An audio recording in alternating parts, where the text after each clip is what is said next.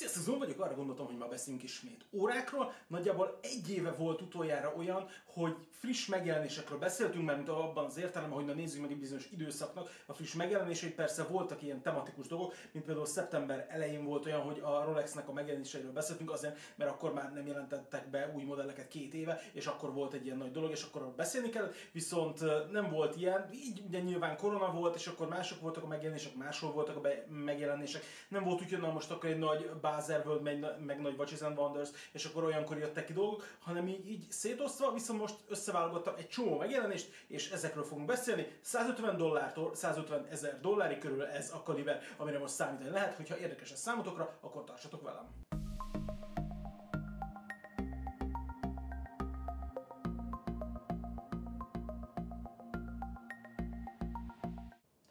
Most a podcast formátum, a teljes élmény érdekében nézd meg YouTube-on az adást. Nem olyan régen beszéltem a Longines-nak a Conquest és a, ezzel együtt a Hydro Conquest vonaláról, és a legelső megjelenés az pont ezzel kapcsolatos. Ez még valamikor tavaly tavaszi, tehát ha jól emlékszem márciusi, és egy méregzöld Hydro Conquest bejelentést. Azt volt érdemes látni róla, hogy ez egy 44 mm-es változata a Hydro Conquestnek, 300 méteres vízállóságot mondtak hozzá, a 41 és 43 millis volt maga a tok, és ami nekem nagyon tetszett ebbe az egészben, elérhető a klasszikus fémszíjjal, viszont ez a méregzöld gumi szív volt az, ami nekem egyébként nagyon tetszett. A kaliber, ami benne van, az az L8888.3-as, ugye ez lényegében Longines márkázatú, de hogy ugye ez egy etaverk, ugye 25200-es száma van, és 65 óra a járás tartaléka, ami szerintem azért eléggé vonzóvá teszi. Az ára volt az, ami érdekes volt, ez 1600 dollár, a minősített Longines márkaboltokban lehetett kapni, tehát ezt nem lehetett online, még ilyesmi, úgyhogy ez csak kiszor, tehát ilyen kijelölt helyeken lehetett ezt hozzájutni. Szintén tavaly tavaszi megjelenés, és volt már a csatornán szó a Nomosról, most viszont a Nomosnak van egy szériája, amit Ludwig van Beethovennek dedikáltak lényegében, szimfóniának is nevezték el. Ez négy darab uh, érdekes számlapú uh, tetrát jelentett egyébként, és uh, ugye ezek a, a Midnight Blue színű tetra egyébként a nagy nomoszos videóban, amikor először foglalkoztunk velük, akkor szerepelt is, viszont alapvetően itt nyilván csak a számlap és a velúr bőr az, ami egyébként ami érdekes. Maga a verke, ami benne van, az ugye a nomosznak az alfa nevet viselő verkje. 43 órás járástartaléka van, és ahogy itt látjátok a képeken is, nincs benne rotor, sem mikrorotor, úgyhogy ez gyakorlatilag egy kézihúzós szériát jelent. Nem kronométer minősített, a verk viszont 6 pozícióval a gyár állította őket, úgyhogy ez nagyjából valami hasonló, mint hogyha Cross Certified lenne, de hát nyilván nem az. A Nomos szeretjük a technikai újításaik miatt, és itt nyilván a benne lévő alfa verk az azért elég sokat megmagyaráz. Egy kicsit borsosnak tűnik egyébként a 2000 dollár dolláros ár érte. Nagyon szép kis pasztel színekben jelentek meg, türkizben, zöldben, ebben a kis, nem tudom én, barnás, barack színesben, és hát a Midnight Blue-ban. A számlapja egyébként érdekes, ugye a, páros számok vannak a hat kivételével feltüntetve a számlapon, ugye kis másodperc mutatós a dolog, és hát a német óragyártásnak a legújabb uh, fénylő csillaga, ugye a NOS, úgyhogy gyakorlatilag a saját alfa verke van benne, és ugye ezeket uh, ő a verkét szokta általában DUV-vel jelölni, uh, viszont az alfa verken egyébként ez nem szerepel. És hát uh, klasszikus Geneva csíkozás van rajta, de hát hogy nem Genfből származik a dolog. Grand Seiko tavaly volt 60 éves, és az előző ilyen hírekkel foglalkozó részbe a, a 60 éves évfordulós óráiknak az egyik Spring Drive-os szériája bele is fér. Ez viszont valami teljesen más. Ez gyakorlatilag ilyen hát egy, egyfajta x óra, nem tudom másképp mondani, gyakorlatilag drága kövek vannak a számlapjába helyezve, és ami nekem felkeltette az érdeklődésemet ezzel az órával kapcsolatban, az azon kívül nyilván, hogy Grand Seiko, az órának természetesen a 8 napos járás tartaléka volt, ez számomra nagyon szimpatikus volt, meg hát nyilván az, hogy a tokot platinából készítették, a számlapja 18 karátos fehér arany, a járás tartaléka 8 egész nap, ez neked nagyon tetszett, erről a 9R01-es verk gondoskodik, és hát arról is, hogy ne kapkodják el, arról pedig az árulja és ez 185 ezer dollárba kerül, és összesen 10 darab érhető el belőle a világon. Ezt úgy gondolom, hogy az igazán nagyon kemény eh, gyűjtők már elkapkodták, és így, eh, vagy valamelyik arab vagy nem tudom, de azért 10 darabot gyártani egy órából szerintem lényegében kínzás. Még akkor is, hogyha egyébként ennyire piszok drága. A legutóbbi Zenith Chronomaster sportos részben mutattam egy monopuseres Rolex kronográfot, ami az egyik első Rolex kronográf volt valaha, és az az óra, amit most láthattok, egy ilyen lazatszínű számlapos Montblanc, ami szintén ezzel pózol, hogy ugyanaz az elrendezése egyébként, mint annak a Rolexnek, ez az 1930-as évekre repülünk vissza egy időben, és ez is egy gyakorlatilag monopusher, tehát egy egygombos stopper. Sajátnak hazudott Montblanc 25.12-es verk van benne, de valójában ez egy módosított Celita SV510-es egyébként. 48 óra járás tartaléka van, mint olyan, ez egy 27 köves verk, ami viszont érdekes még a tokon, az a gyárnak az épülete, ami hát lényegében a hátlemezbe van belegravírozva, és ez a Heritage Collectionbe tartozik, ezért is van a, ez az egyedi működés, és ez a számlap elrendezés, ami mondom nagyon száz évvel ezelőtti, vagy hát lényegében egy évszázaddal ezelőtti dolgokra utal vissza, az ára pedig 4950 dollár, és egy nem limitált kiadású dolog, tehát elméletileg bárki, aki ezt most látja, és nagyon a szívéhez kapott, hogy nekem kell egy ilyen lazac színű monopusher, az bármikor meg tudja venni a kedvenc Montblanc üzletében. Egy szemrevaló dolog következik a Takhajertől még hozzá egy GMT-s Batman jellegű akvarészer. Ami érdekes rajta, hogy korábban ilyen kiadású akvarészere szerintem a tagnek legalábbis ilyen elrendezésű nem volt. Nagyon-nagyon klasszikusokra épített, hogy, és nyilván ezeket a dolgokat már mind láttuk korábbi órákon, tehát semmi forradalmit nem kell elképzelni. Láttunk már ilyen mutatókat, láttunk már ilyen GMT handet, Láttunk már ilyen felhelyezett, rakott indexeket lényegében, viszont, viszont ez így ebben a formában a, az, az akvarésszernek a szögletességével szerintem egyébként nagyon frankó.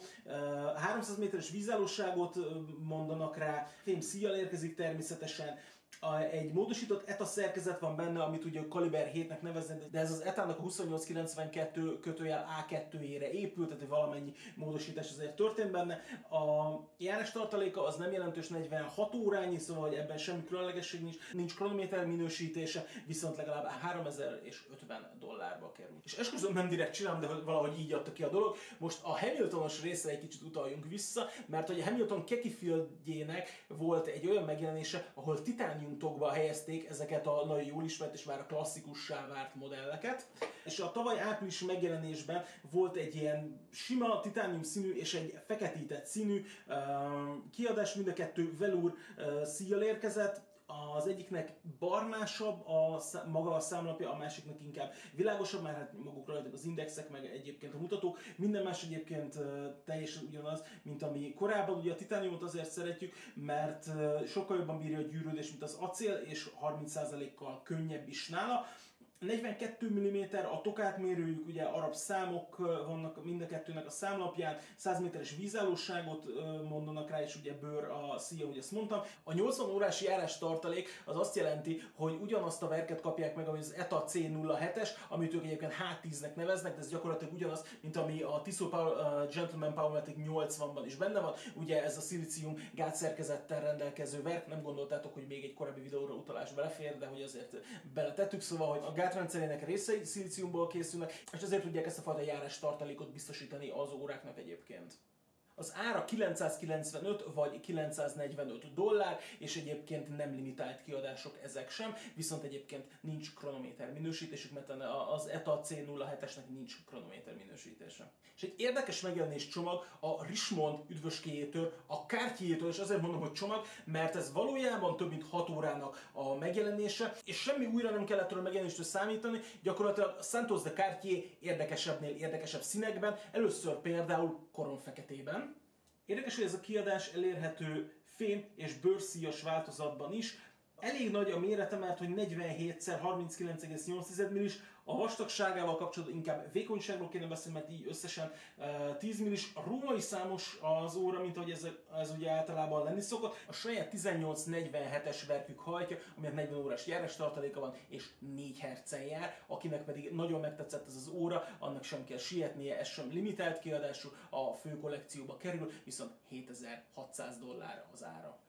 Hasonlóan nagy méretekkel rendelkezik a Santos Dumont XL, ami 46 mm 33,9 mm, a vékonysága 7,5 mm, és nyilván azért tud ilyen vékony lenni, mert ez egy kézihúzós ver.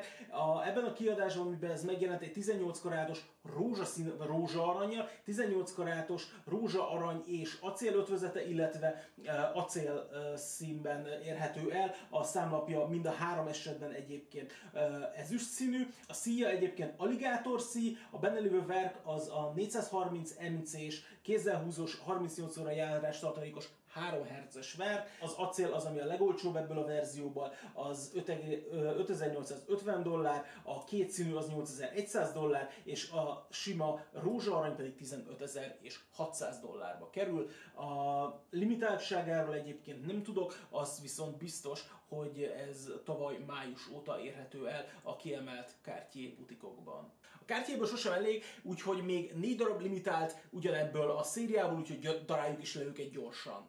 Ami előttem van, az a La Demoiselle, ami szintén a Santos Dumont vonalat erősíti, ami itt nagyon érdekes rajta, hogy a korona végén egy ilyen kis enyhe piros van benne, a szíja az ilyen textil jellegű, panamai textil és barna aligátor bőrrel érkezik. A mérete egyébként az előzőhöz hasonló, ez is az XXL szériába tartozik, mert 4,66 mm 33,9, tehát pont ugyanakkora, mint az előző Dumont, a vastagsága szintén 7,5 mm.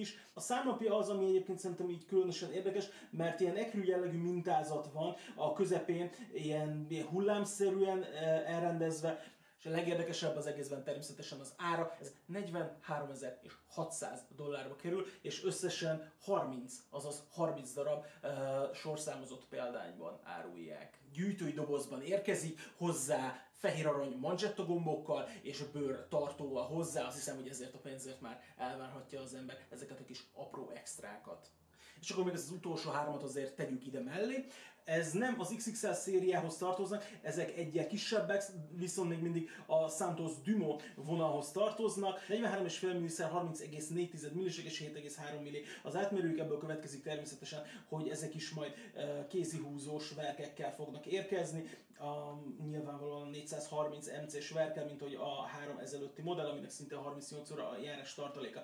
Ami számomra érdekes, azok ezek a repüléstechnikai eszközök, amik felkerültek ezeknek a limitált kiadású óráknak a hátlapján, pályára. Látszik, hogy egyébként sorszámozott kiadásban érkeznek, itt, itt látszik a képeken, illetve az egyik 100 darabos, a másik 300 darabos, a harmadik pedig 500 darabos limitált kiadásban érkezik.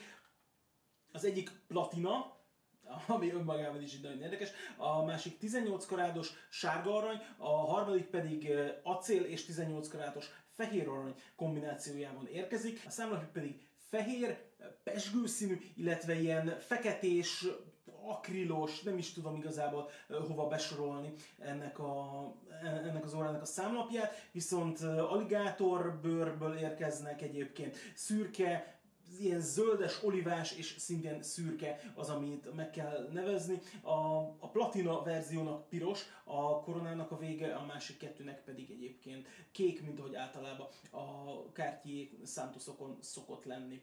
Ami nagyon különlegessé teszi őket, az természetesen az áruk, ugyanis a legdrágább ezekből a 18.700 dollárba kerül, a középső 14.300, és a legolcsóbb az 7250 dollár, már hogyha lehet ilyen szavakat használni. Ugye a legdrágább az 100 darab limitált kiadásban érkezik, a középső 300, míg a még a legolcsóbb idézőjelbe téve az 500 darabos limitált kiadás, és mindegyik egyesével számozott, és tavaly április óta lehet ezeket megkapni a Cartier butikokban. Korábban elég sok fekete óráról beszéltünk, és most jöjjön még egy ilyen, a Panerai-nak a 44 millis GMT Lumina rózája. A Lumina róza elvileg egy vitorlás, ami egyébként meg is található ennek az órának a hátlapján. Az egész óra uh, DLC borítással van. Ennek a csodának egyébként titánium maga a tokja. Benne található a P9010-es GMT ver. Egy kis pirossal fel van dobva a számlapja, ami nyilván a másodperc mutató és a GMT mutató is tartalmazza, nincs rajta járás tartalék kijelző. Ez egyébként a 36.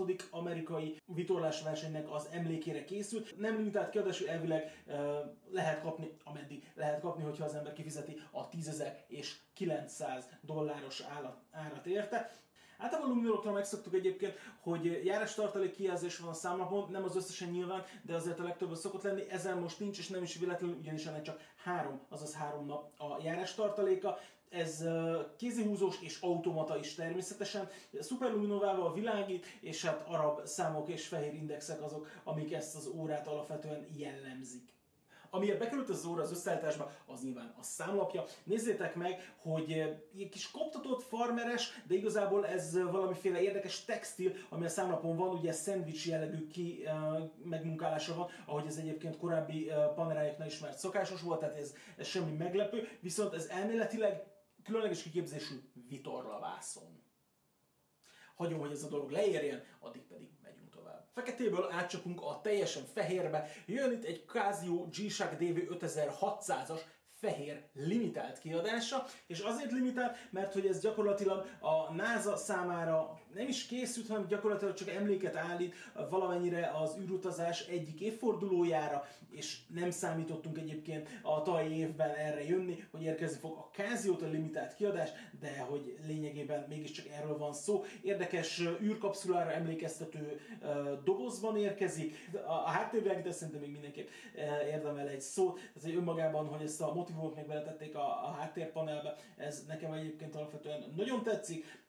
Uh, semmi olyan extra nincs egyébként azon kívül, hogy limitált kiadás és názás, mint amiről alapvetően be kellene számolni.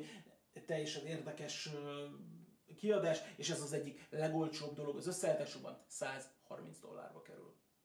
Vissza egy picit a fekete vonalra, egy különleges kiadású doxával érkeztem most nektek, ami egy szénszálas tokozásban érkezik, fekete és citromsárga színekben, milyen ismerős, mint hogyha láttam volna már ilyesmit, ó, a csatorna logómban. Mindegy, nyilvánvalóan nem mindent szedték, viszont nagyon tetszik ez a színösszeállítás. Nyilván fehér indexek, fekete számlap, sárga percmutató, sárga logó a számlapon, és körül pedig a külső uh, funkciógyűrűn pedig uh, a, a merülési hossz, hosszúsági mérésre szolgáló dolgok vannak és szintén sárgával. Ugye ez is a Sub 300-as kategóriába tartozik, tehát hogy lényegében minősített búváróra, ami 300 méteres búvárkodásig lényegében garantálnak, viszont ez egy amerikai limitált kiadású óra. Maga, magáról a top méretről el lehet mondani, hogy ez 42 milliszer 45 millis, tehát hogy ez egy elég nagy darab óra a 45 milli az nyilván a fültől fülig hosszát jelenti, a magasság az 13,4 milli, tehát hogy ez nem, nem tűnik túl vastagnak. Ami még érdekes, az a csatja, tehát hogy ez lényegében egy ilyen, egy ilyen fajta szorítós, de lényegében teljesen dedikált búvár csat, és egyébként hozzátartozó gumiszíjjal jelzett logó van egyébként a koronán, ez nekem nagyon tetszik, és ezt is sárgával tették meg, nem fehérrel, ez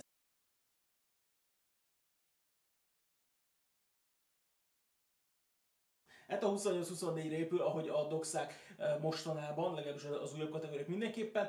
Egész végig azt mondtam, hogy egyik óra sem cost certified, 300 darabos limitált kiadásban tavaly augusztustól érhető el. Tudjátok, hogy szeretem a német óragyártást, és szeretem a Zint, úgyhogy most jöjjön három csodálatos Zin óra az U50-es szériából.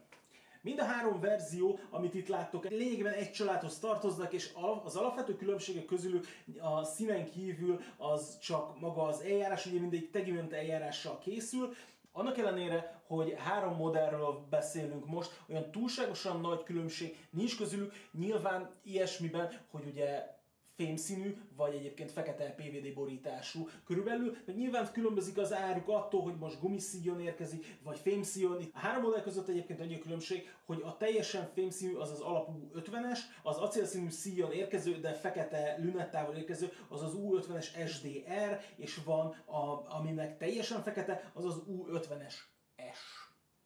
És nem SS, hanem hogy U50S.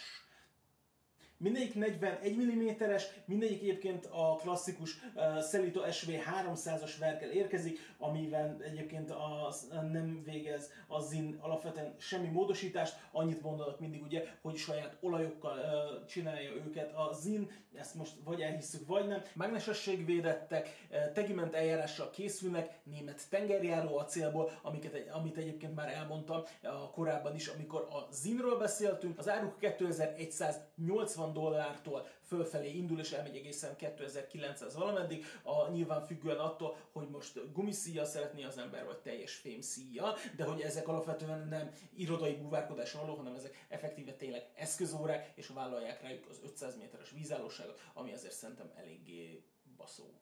És hogy ne úszhassak meg megint egy visszatekintést, itt van egy újabb, a legutóbbi Chronomaster sportos zenites epizódra, ami most itt látható előttem, az a zenitnek egy Chronomasterje, ami gyakorlatilag nagyon-nagyon-nagyon nagy hasonlóságot mutat a Zenitnek az El Primirójával, csak ugye azóta fejlesztettek bizonyos dolgokat, és ez egy ilyen shadow, vagyis hát árnyék verzió, ami arra szeretne utalni, hogy lényegében koron fekete maga az óra, legalábbis feketített. Leszámítva a nyomtatásokat, hogy olvasható legyen, meg természetesen az indexeket és a mutatókat. A Zenitnek az El Primero 4061-es automata verke szerepel benne, aminek 50 óra járás tartaléka van, és uh, érdekes ez az órával kapcsolatban, hogy uh, titániumból van, és az átmérője viszont 37 millis, tehát hogy ez nem a világ legnagyobb órája. Szerintem gyakorlatilag az egyik legkisebb óra, amit az összeállításban előkerül, viszont a vízállósága csak 50 méter, azért a kronográfokat nem búvárkodásra találták föl.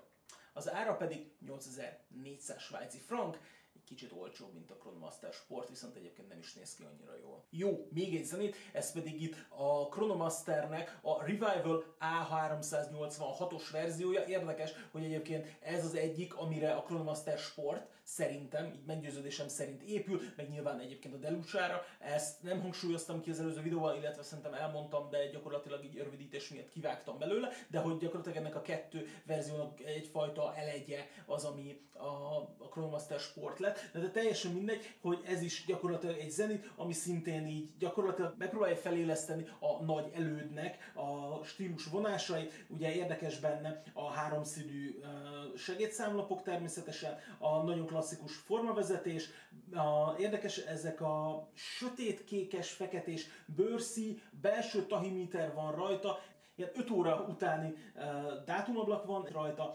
Az előző verziónál egy picit nagyobb, ez 38 mm az átmérője, Ebben az El Primero 400-as verk van, szintén 50 óra járás tartaléka, mint az előző, és ez sem egy limitált kiadás, viszont 8700 dollárba kerül. Azt hittem az előbb, hogy a kártyénél kiéltük ezeket a pasztelszínes, olivazöldes dolgokat, viszont nem. Készültem nektek egy nagyon-nagyon érdekes Omega Speedmaster 38 mm-es kiadása, ami nemes fémből készült tokkal érkezik, gyémánt berakásokkal. Elsőre nagyon ízléstelennek hangzik, viszont szerintem egészen jóval megvalósítva nézzétek. Ők magukban egyébként a, a barnát azt kapucsinóként apostrofálták, a, a zöldre viszont nem mondtak semmilyen felülfogalmazást, én azt csak egyszerűen oliva zöldként fogom emlegetni. Az Omegának a 3330-as verke van benne, ami egy 52 óra járás tartalékos automata verk egyébként, kronométer minősítéses, koaxiál gátszerkezete van, és hát egyébként szilícium rugóval érkezik, hogy megint visszautaljuk valahova. A sima egyszerű polírozott funkciógyűrűvel 15.600 dollár, hogyha valaki esetleg gyémántokkal szeretne, akkor még egy hármaskát rá kell dobni, és nem hármat, hanem nyilván három ezret, és ezek egyébként tavaly május óta érhetőek el. És úgy gondolom, hogy nyilvánvalóan mind színében, mind méretezésében inkább a női közönségnek a szívét és legfőképpen a pénztárcáját szeretnék meghódítani. Korábban is többször beszéltem arról, hogy szeretem az Omega Devileket, és főleg ezeket a pancake, vagyis hát ez a palacsintosütő verziójukat. Na most ez egy olyan, ami ilyen sosem lesz valószínűleg. Ami viszont itt látható, az egy Turbion változata ennek az órának, nemesfém tokozásban, ez alapvetően rózsa aranyjal készül, és egyébként egy kézihúzós verk van benne, és hát nyilván uh, ezek a tulajdonságok alapján ki lehetett találni, hogy egyébként méregdrága, és hát nem is uh, szaporítom tovább a szót, ez 168 ezer uh, dollárba kerül, hogyha az ember ilyesmit szeretne, Emeletileg nem limitált kiadásban, viszont sorszámozva érkezik, de azoknak, akiknek egyébként, akik egyébként ilyet szeretnétek, de azért itt hagyom egy picit még a képeket, hogy legeltessük rajta a szemünket, valószínűleg kb. az életben nem fogunk saját kezünkben ilyet látni, ugyanakkor egészen csodálatosan néz ki ez az óra. Úgy gondolom, hogy az ember a pénzért azért egy picit többet várna, mint három nap járás tartalékot, de alapvetően az órák szépsége nem a járás tartalékról szól. A következő, amit kiválasztottam, az Orisnak egy limitált kiadású GMT verziója, nézzétek meg, ez a Kerry Sport uh, Reef nevet viseli. Természetesen ez az Aquisnak egy GMT verziója. Ugye az Aquis a, az, az Orisnak gyakorlatilag a búvár óra családja. Azért a búvár és a GMT együtt szerintem egy picit túlzás, azért két egészen uh, fura dolog az, ami, amit érkezik. A számlapon és a lünettán található narancságával megegyező színárnyalatú gumi szíjjal érkezik 2800 dollárért, vagy fémszíjon 3000 dollárért. Külön érdekes, hogy az órának a hátlapjára rá van gravírozva a Craceford nevű korallzátony, ezzel is gyakorlatilag az Oris ilyen nem jó fejkedni akar, hanem szeretné kivenni a részét így a, a természet iránti felelősségvállalásból, és ezt szeretné mutatni vele, hogy gyakorlatilag felhívja a figyelmet ennek erre a csodálatos természeti szépségre. Látszik évről évre, hogy az Oris tesz ebbe az irányba lépéseket, és ez szerintem egy tök jó dolog. A következő megjelenés a Tudortól érkezik, ez a Black Bay 58-nak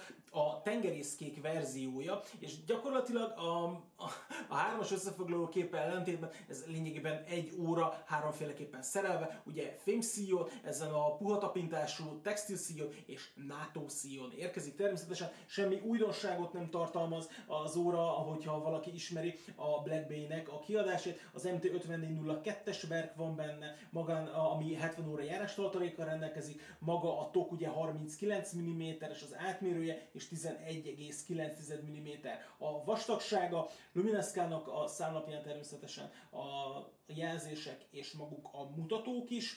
A COSC Certified óra egészen végig eh, eh, mondtam, hogy ez se COSC Certified, meg az sem, viszont ez az óra természetesen igen, és az ára 3375 dollár az olcsóbbaké, és a fémszíja pedig 3700 dollárba kerülnek a kvázi drágábbak. A katonai órás videóban volt már szó a Jemáról, amit lehet róla tudni ugye, hogy ők francia hagyományokkal rendelkező és Franciaországban gyártott órák is. Ami itt előttem van, az a Jemának a Superman 63-as verziója. Megnézitek, ez egy filmszíjon érkező, kicsit um, ilyen 50 Fathoms hat, hatást keltő, lünettával ellátott, funkcionális repülőóra. Az érdekes szerkezet a korona zárnál az effektíve a korona lezárására használatos, tehát ez egy lényegében ez egy nem haszontalan dolog, és ez nem azt emeli ki, hogy izé hova kell nézni, hanem az két ponton megfogja a koronát azért, hogy ne tudjon elforogni.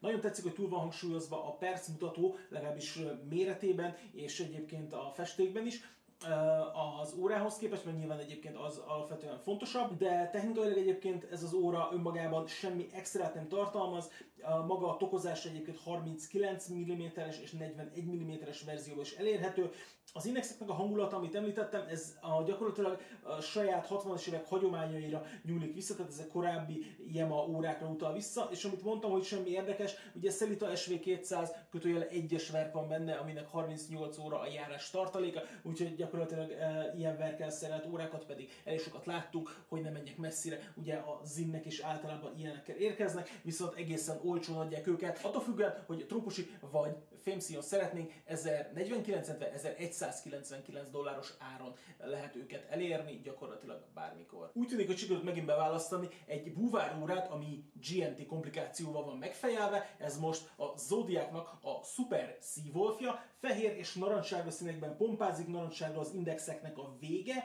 és a számlapnak pedig a felső része, ugye ez a, ez a nappal éjszaka mutatásra szokott egyébként általában szolgálni, viszont e, itt most egyébként mint design elem is egyébként funkcionálhat bemutatva azt, hogy a, az órának ezt a megosztottságát, a, a fehér, illetve a fehér és a narancssárga színekben pompázását. Technikailag nem annyira érdekes, mert az ETA 2893 2-es GMT verk van benne, úgyhogy e, gyakorlatilag ez egy, ez egy klasszikus lényegében a Svájcban gyártott egyik legolcsóbb GMT szerkezet, viszont ez egy hátasló óráknak a generációit vitte már el a hátán, és a Zodiac is ezért nyúlt ehhez a verkhez. Maga az óra pedig egy 40 mm-es átmérővel rendelkezik, 14 mm a vastagsága, ami feltételezi nyilván zá, látatlanba is ugye a verk alapján azt kell mondani, hogy ez valószínűleg egy automata verk, már csak a vastagsága miatt is. A, ugye az ETA 2893-mal az a gond, hogy a járás tartaléka az egyáltalán nem acélos,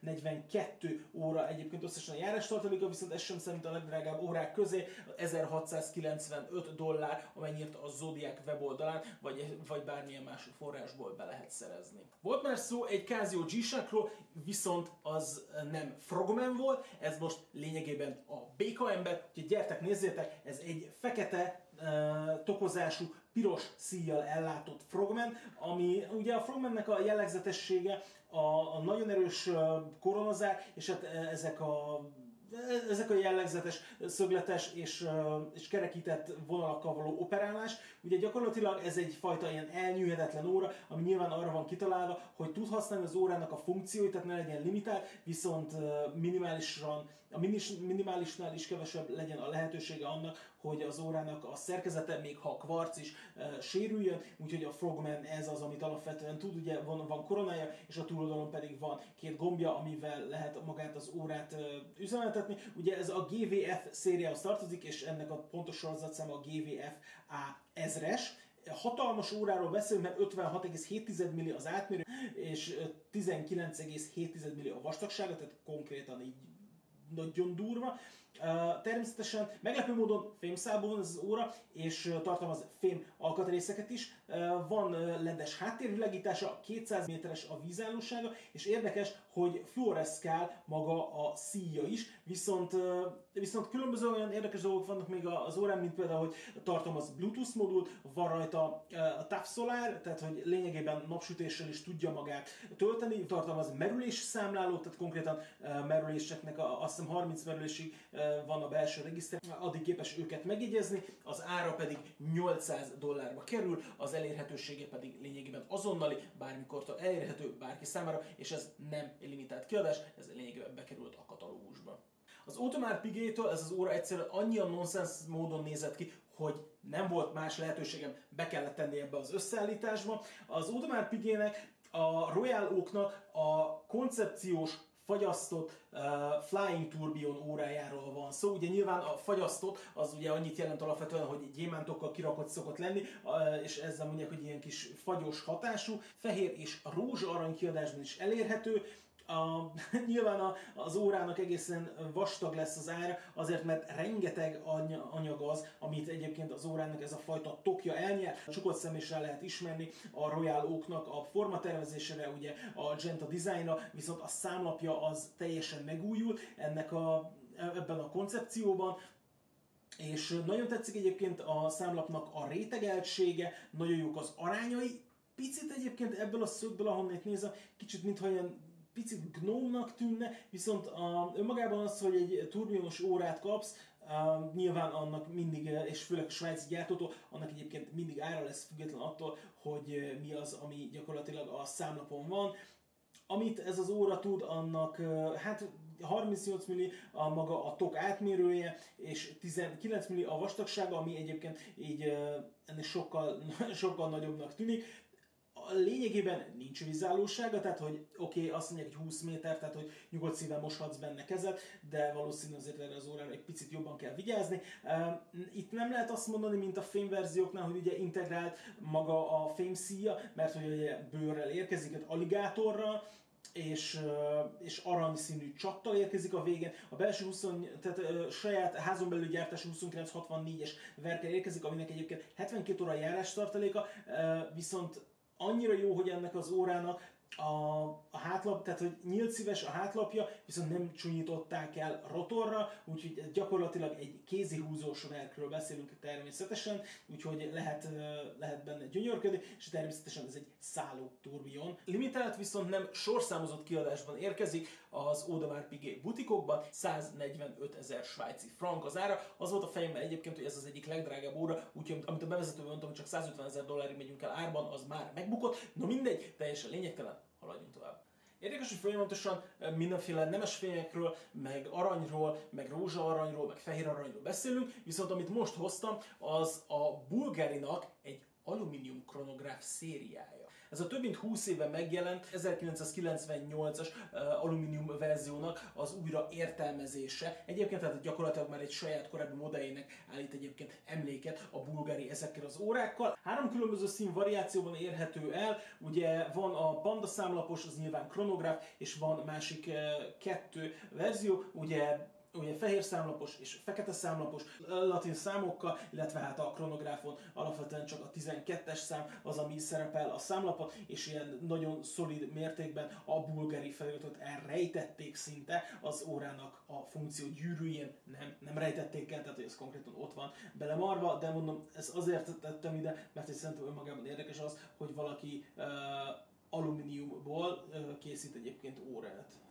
Először nyilván az volt a fejemben, hogy ú, akkor ezeknek az óráknak nem lesz annyira húzós az ára, és ez valamennyire így is van, mert 2950 dollárért érhető el az olcsó, és a kronográf verzió pedig 4250 dollárért, de viszont az óraiparban egészen régóta megtanultuk, hogy az alapanyagnak az ára és végterméknek az ára egyáltalán korrelál egymással.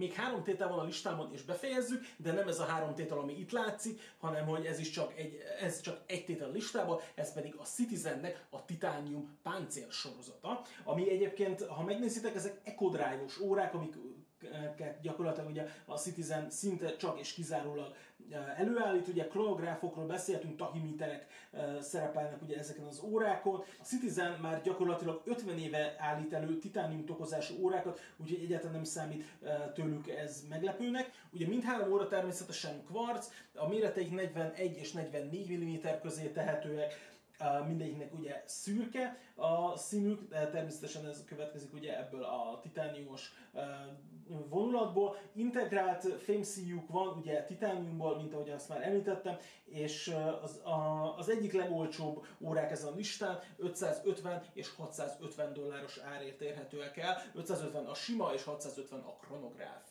Amikor a képen látható órát kiválasztottam arra, hogy beleteszem ebbe az összeállításba, akkor az volt a fejemben, hogy ú, hát azért mégiscsak a, a Seiko Groupnak a teljesen luxus végéről, a high-endből válaszunk valamit, a Credortól, és az a helyzet, hogy több mint háromszor ennyibe kerülő óra már szerepel a listán, úgyhogy lehet, hogy ez nem is annyira méreg drága. Gyertek nézzük a Credornak az HE-ét. Alapvetően ugye a fényképek általában nem adják át azt, hogy, hogy mi is az, amiért a Krédort szeretjük. Ugye a Krédor gyakorlatilag a teljesen 100%-ban kézzel készült Seiko, gyakorlatilag a Seiko Groupon belül ugye ők a top-top-top luxus kategória. A Credor az, ami a bármelyik, a világon a bármelyik luxus gyár, luxus óra gyártóval tud versenyezni, megnézitek ennek az órának a hátlapját, akkor így azért kétségetek sem fér afelől, hogy ezért maximális pontossággal jártak el a kialakítás tekintetében. Érdekesség, hogy a számlapnak a nagy minimalizmusát nem akarták a járás tartalékért